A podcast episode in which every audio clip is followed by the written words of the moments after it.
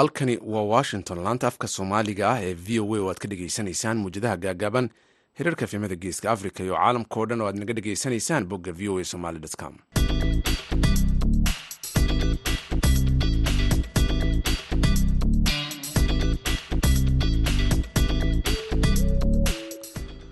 Duur wanaagsan dhegeystayaal idilkiin bambeel kastoo aad joogtaan. Waa khamiis bisha agostna waa toddobiyo toban sanadka laba kun saddex iyo labaatan idaacadda duhurnimo ee barnaamijka dhallinyarada maanta waxaa idinla socodsiinaya. Anigoo ah jamaal axmed cismaan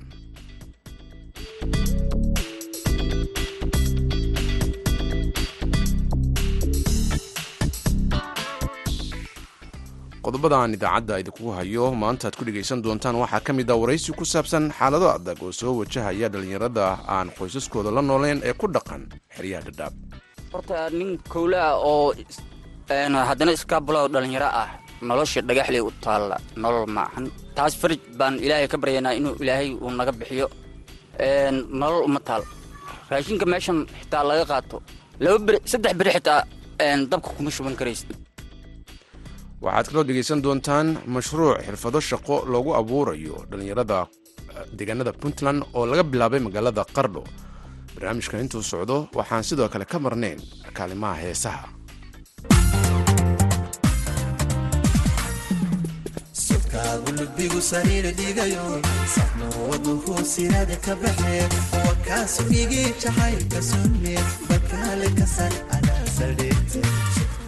waa tahay ciyaarihiina dabcan kama marna balse aan ku horumarno qodobadii wararka ugu waaweynaa ee caalamka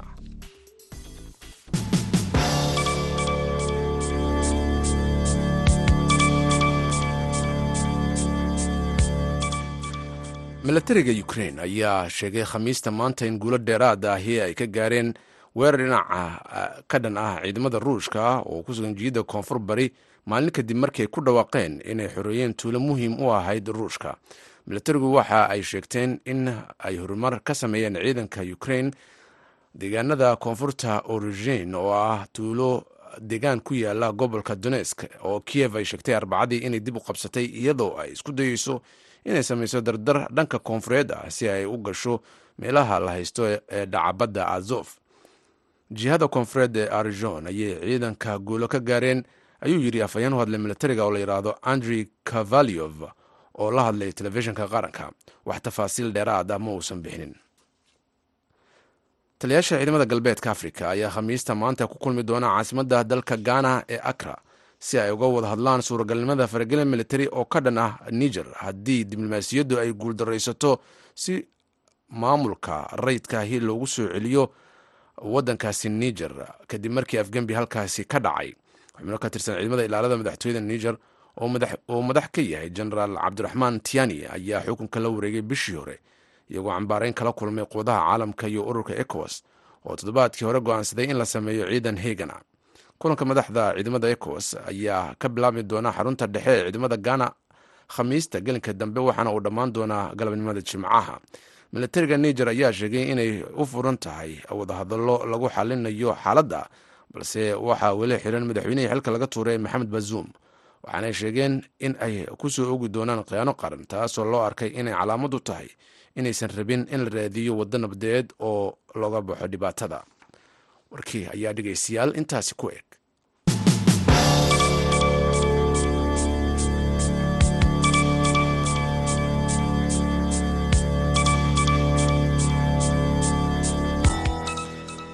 Door wanaagsan dhegaystayaal mar kale. Dhallinyarada qaxootiga ku ah xeryaha dhadhaabe ee waddanka kenya ayaa dhibaatooyinka lagadisan wajaha waxaana dhallinyaradaasi ka mid a kuwa qoysaskooda ay ka maqan yihiin iyagu si gaara halkaasi ugu dhaqan zakariya maxamed cismaan oo tan iyo sannadkii laba kun shan iyo tobankii xeryahaasi ku noolaa ayaa dhibaatooyinka ay la kulmaan waxa uu uga warramay wariyaha v o a ee cabdisalaan salas. Waxaa la yidhaahdaa zakariya maxamed cismaan waxaa ku noolay xeryahan qaxoontiga. Waxaan imid labada kun iyo shan iyo tobankii ayaan jirta kaarka. Waayahay zakariya markaad soo gashay xeryaha qoyskaaga ma kula socdeen halkee baase ka timid? Cabdisalaanow qoyskayga anigii lama socon. Aniga keligay baan ahaa waxaan ka yimid dhankan soomaaliya. Ayaan ka soo galay. Dee nin waxaan ahaa beriguu soomaaliya joogay naftiisa maarayn jiray oo waalidkiisa la joogay. Laakiin halkan markaan mid nin iskaabulo xaalkiisa waa taqaanaa iyo nolo- noloshuu ku nool yahay. Waayahay waxaan la socdaa inaad tahay dabcan dadka kowlayaasha ah ama qofka keliya xeryaha ugu nool. Zikriya qofka kowlaah oo adigoo kale ah oo aan qoyskala la socon qaabkaba ugu nooleeyay xeryaha. Cabdisalaan horta nin kowlaa oo haddana iskaabulo dhalinyaro ah nolosha dhagaxley u taalla nolol maahan. Taas farij baan ilaahay ka baryaynaa inuu ilaahay uu naga bixiyo. Nolol uma taal. Raashinka meeshan xitaa laga qaato. Laba beri saddex beri xitaa dabka kuma shuban karaysid example qajacle saliida ah oo oo koobkiiba haaf lagaaga dhigay iyo bariis xun iyo qamadii xitaa ayaa meeshan la siinayaa haye gu- gurigii iskaabulo een, kiraa laga rabaa waxaana laga rabaa een, nafsadeeni a- aratirkeeni dee xayaato meeshan kuma hayno.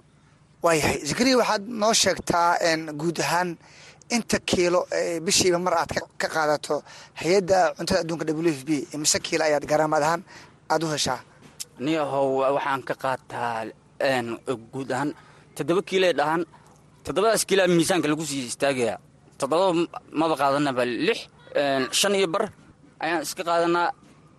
Mana nagu filno oo maanta annaga isma dhahayno waxaasaa idin kaafinaya toddoba kiilo waa raashin aada u yar oo loogu talagalay bishii inaad ku joogto. Qaabkee baad marka debka ugu shubataa toddobada kiilo oo aad u maaraysaa. Hadda bariiskaoo kale example markii maalinta haddii la bixiyaba weyaan haddii la bixiyo bariiskaas oo aan aragno rubac koobka shaaha lagu cabo bakeriga yah waa rubac buu ii qiyaasan yahay. Quraac baaban ka tegayaaba. Qadaan u soo kacaya. Qadadaan ku shubanayaa rubacaas. Saliiddii yareed baan aan ku shubanayaa. Rubacna waxaan karsanayaa een, habeenkii cashaan ka dhiganaya marka isagoona iidaan lahayn oo wax kale aana wadan ayaan saddex beri inay ahaysaa laga yaabaa. Saddexdaas kiilo bariiska. Xitaa marmar baan laba kiilo bar qaataa. Saliidda iska badaaba iyadana halkan qaalibayba ka tahayba koobkii saliiddana waxay siddeetan shilin. Annaga ma gadan karan siddeetankaa shilin kama baxno. Waxyaabo badan baana laga rabaa niyo dhalinyaro haddaan nahay niyo xaalka ilaahay baa og. Waayahay waxaa jirta sidaan la socdo lacag gunno ah oo embeesada ay idiin soo marto oo dabcan hay'adda ay ugu talagashay inaad qudaaraan u isticmaashaan. Lacagahaasi masey la eg yihiin n mase yihiin wax kaabayo garaamaadka aad qaadataan? Maya nolosheenna maba bedelayaanba lacagahaas. Waa imise lacagta marka? Niyo horta berigii hore jukulada la bilaabay shan boqol baana loogu bilaabay. Aad iyo aad baa shanta boqol naloo siinayay. Maalmo dhexdaasa oo hadda laba bilood iyo ay ka soo wareegata ayaa siddeed boqol iyo konton intii laga dhigay baa haddana dib loo jaray. Waxaana laga dhigay afar boqol iyo konton shilin. Dee lacagtii ay naga jareen raashinkana noogu noogumaysan darin. Marka iyaga laftigooda haddii xarig caanahan ka qaato oo shan xabaa caanahan eh, la walaaqo oo aan bal habeenkii na- nafsada baakada? Haa baakadaa nafsada bal een, habeenkii bal ishaada iyo meel dheer ka muuqan nooma goonayaan caanihii xitaa goonayan shantaas boqol. Marka wa- waaba waaba iska garanaysaaba cabdisalaanow waayahay dhalinyaro ayaa tahay waxaad ii sheegtay in gurigii keli aad ku jirto. Inta badan dhibkaas dhalinta qaxootiga ah way kula qabaan oo adigoo kale iskaabulada ah. N sidee baad nolosha ku dabartaa maa- maadaama kelida inaad bixiso aadan awoodin? Raashinkii uu yaryahay lacagihii gunnada ah aada loo yareeyey balse keliya noo sharax. Cabdisalaanow taas waa su'aal wanaagsan. Horta guriga aan hoygana wax ka fiican ma leh. Dee laba kun iyo shan boqol oo shilin waay waxaa weeyaan waa shan iyo labaatan dollar. Wallaahi dhallinyarada awla aan wax la xiraami jiray oo aanu isku fiicnayn dhallinyaradii laftigoodii i- oo xitaa waalidkoodii u joogay oo aniga maanta xagga waalidka ugu dhaamay iyagaaba waxay sheeganayaanba busaaradii xagaabaa la galay qof walba oo xitaa dadkii shaqaysanaya baa eh, waxay ka sheeganayaan xagaa iyo iyo lacag la'aan. Culayska qaxootiga wuu sii adkaanayaa. Zikriye maxaa diidan in dhalinyarada ay shaqo abuur sameeyaan ay fadhiga kacaan maadaama culayska nolosha oo sii adkaanayo garaamaadkii hay'adahana ay sii yeeranayaan sanadba sanad ka dambeeyo.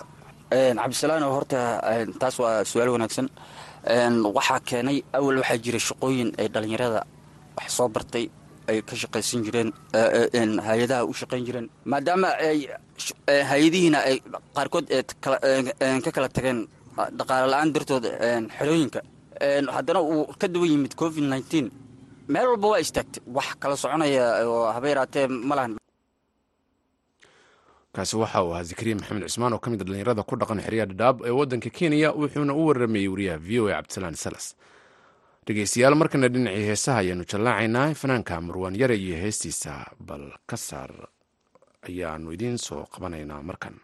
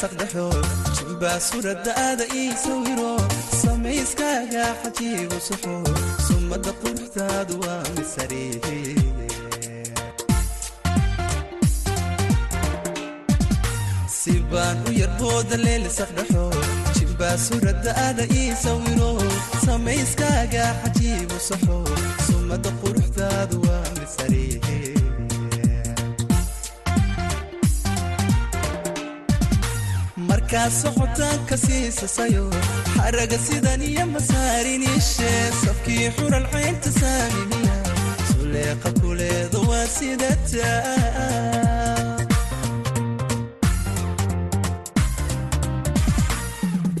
markaa socotaanka siisasayo xaraga sidan iyo masaariniishe safkii xural caynta saaminiya suleeqa kuleeda waa sidata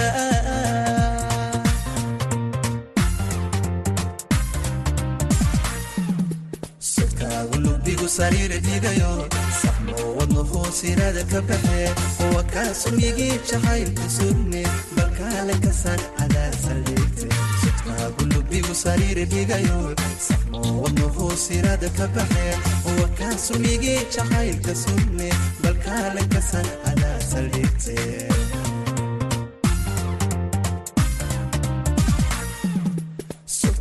lubigu sariira dhigayo. Saxmo wadnu hoosiraada ka baxe kuwa kaasumigii jacaylka sunne balkaale ka sar anaa saldhigte sodkaagu lubigu sariira dhigayo. Saxmo wadnu hoosiraada ka baxe kuwa kaasumigii jacaylka sunne balkaale ka sar anaa saldhigte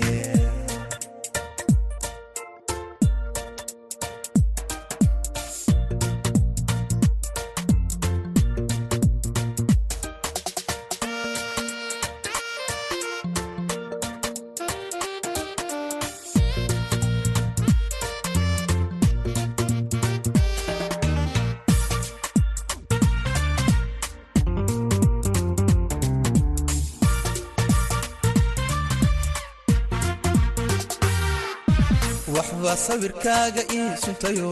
Sikinba sikin buu siyaadu noqdo. Naftaan sasabaaya baasahide sidee tahay maana saa ka dhahay?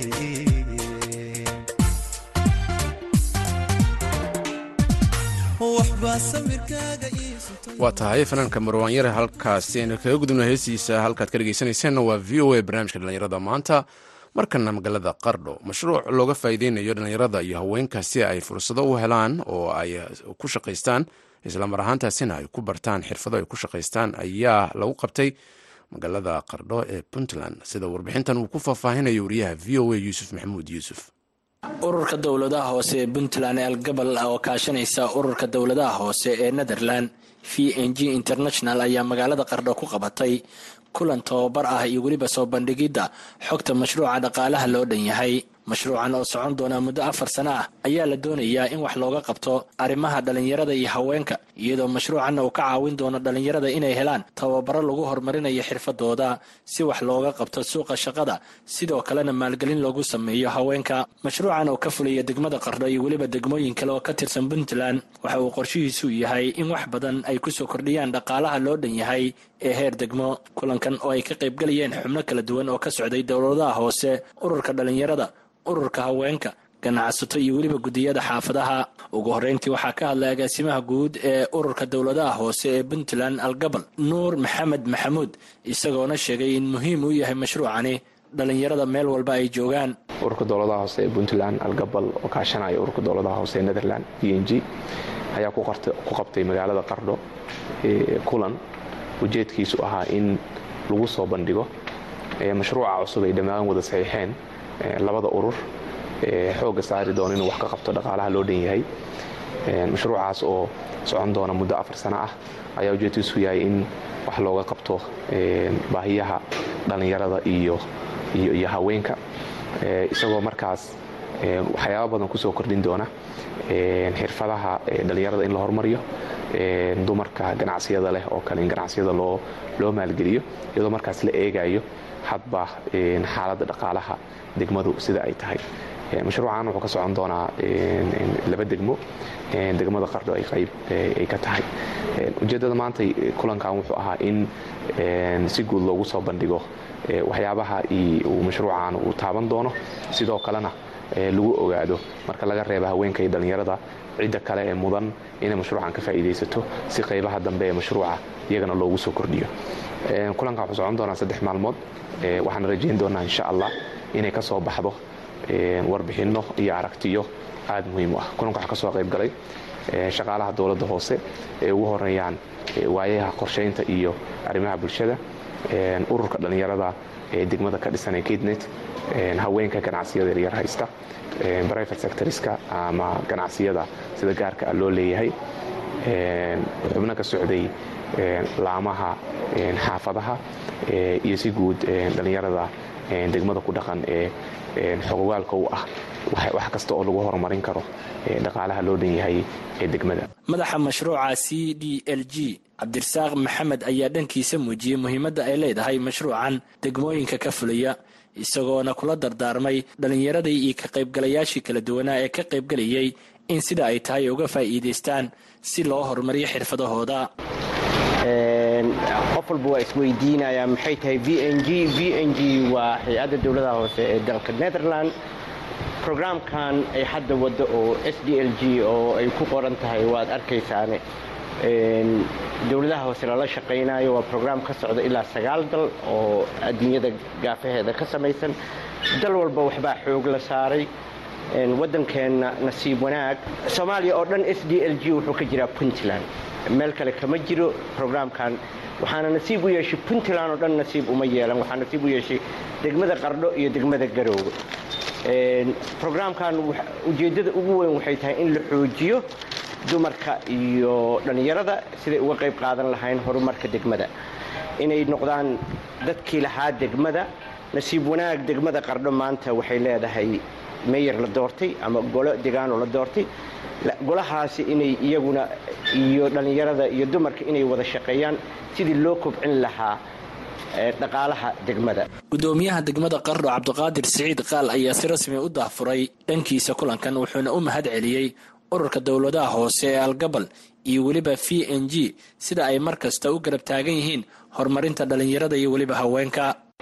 Laakiin annagu afkaar ahaan si bulshadu wax la taaban karo uga faa'iido waxaan muddo ku celcelinayna in laga dhigo mid si dhaba looga faa'iidaysan karo oo intaa ka sii qoto dheer wuxuu xoogga saari doonaa saddex eeriyo haweenka dhallinyarada iyo kobcinta iyo koruqaayidda dowladaha hoose.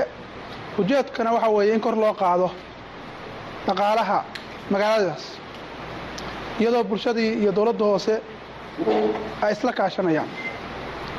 Insha allah waxaan rajaynaynaa in aad dood fiican ka geli doontaan baahiyaha ay leeyihiin haweenku baahiyaha ay leeyihiin dhallinyaradu mashruucan sida ay tahay inuu dhallinyarada ula shaqeeyo sida ay tahay inuu haweenka ula shaqeeyo sida ay tahay inuu wax uga bedelo dhaqaalaha iyo ganacsiga magaalada oo kobcin ugu sameeya si loogu talagalay. Dabcan dadka ku habboona inay dooddaas iyo afkaartaas dhibtaan baa tihiin. Inaad marka doodda iyo afkaartaas aad ka qayb qaadataan soo jeedisaan sida ugu habboon oo looga faa'iidaysan karo wax ugu habboon oo ay doonayaan haweenkeena iyo dhallinyaradeennu. Inaad si qoto dheer u dul istaagtaan insha allah waan rajaynaynaa yuusuf maxamuud v o e boosaaso aad buu mahadsan yuusuf dhegeystayaal. Markana wararkii ugu dambeeyey ee ciyaaraha ayaan idiin soo gudbinaynaa waa kan maxamuud mascade.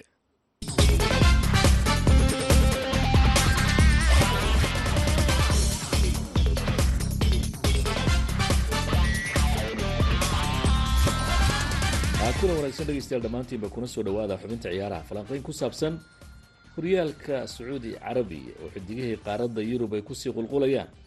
Ayaynu barnaamijka ku soo qaadan doonaa laakiin marka hore aan ku bilaabo kooxda kubadda cagta ee manchester city iyo kooxda kubadda cagta ee sevilla.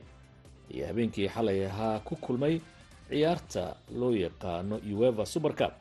Labada kooxood hal iyo hal barbara ah ayay isla dhaafi waayeen inkastoo kooxda safiya ay goolka la hormartay haddana ciyaaryahan palmer ayaa goolka barbarada u keenay kooxda kubadda cagta ee manchester city.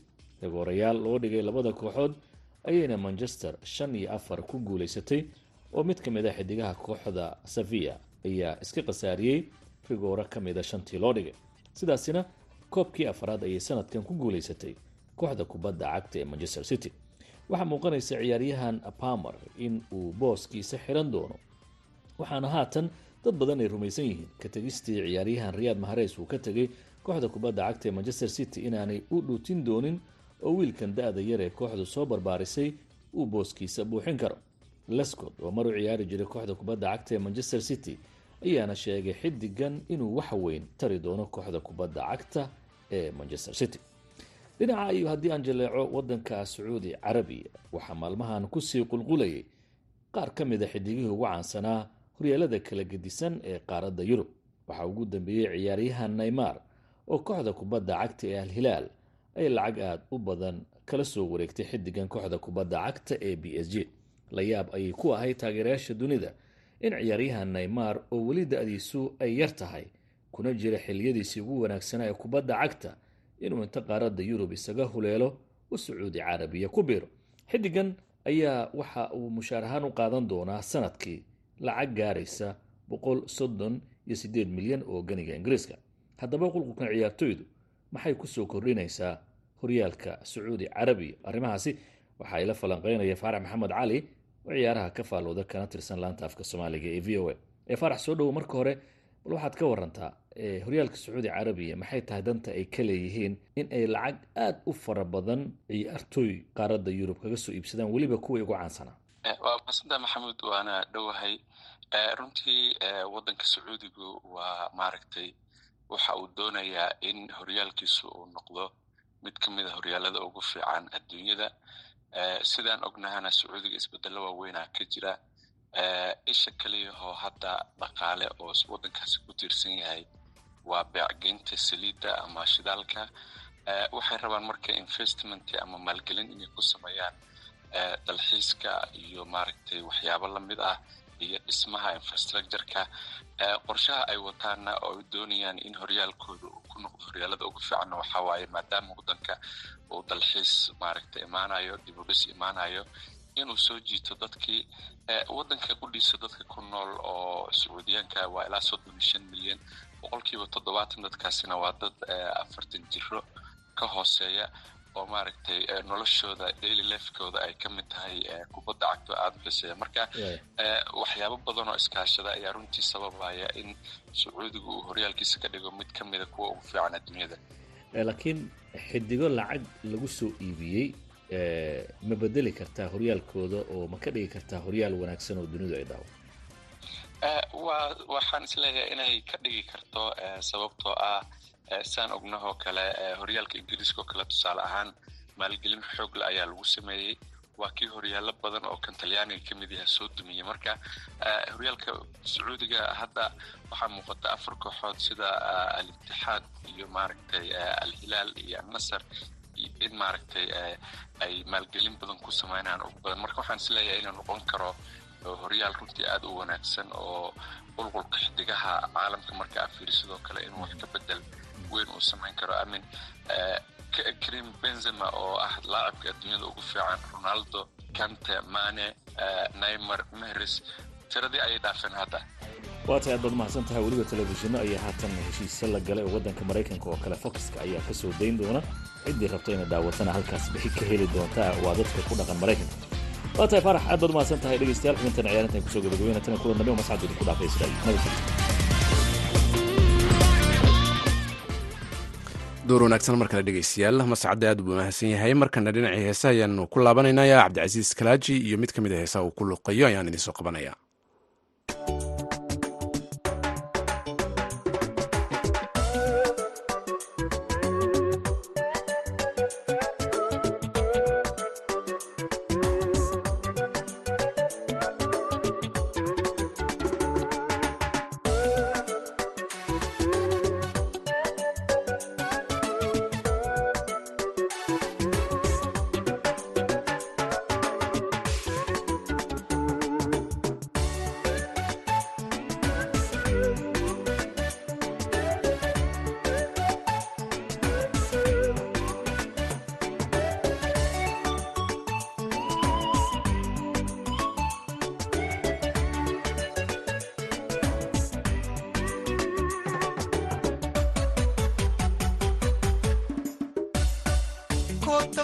xiray manka ugu idhi iwada qaado naftanoo cid kala diiday keligaa kuwada siiyey.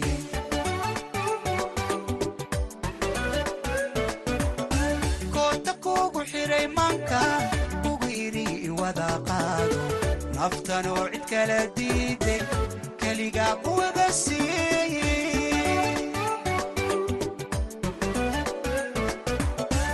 kasba wayda maad yeelan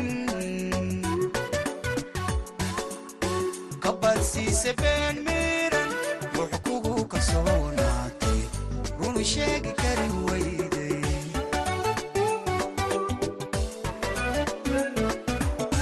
kasba wayda maad yeelan kabadsiise been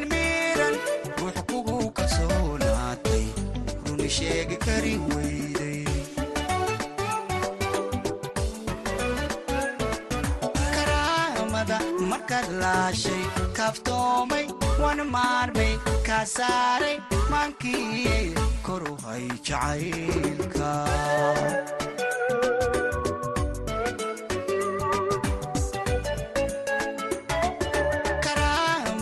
Markaad laashay kaaftoomay wana maarmay kaa saaray maankii koru hay jacaylkaaga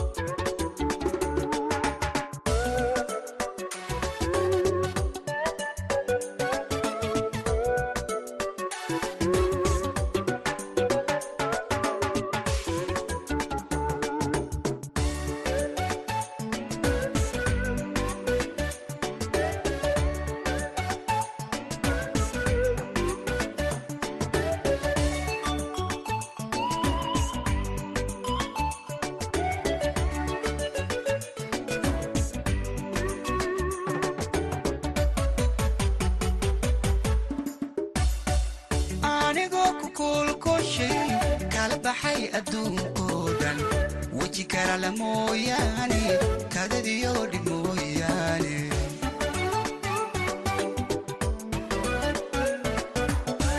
Anigoo ku kuulkoshay kala baxay adduunkoo dhan weji karala mooyaane heestaasi fanaanka cabdicasiis kalaaji ee ku luuqeynayay waxaana gabagaba ay u hayd idaacaddeenna duurnimo ee barnaamijka dhallinyarada maanta. Anigoo jamaal axmed cismaan iyo idinla socodsiinaya dhegaystayaal tan iyo afarta galabnimo intaan hawada mar kale ku kulmi doonno waxaan kaga tegayaa nabadgelyo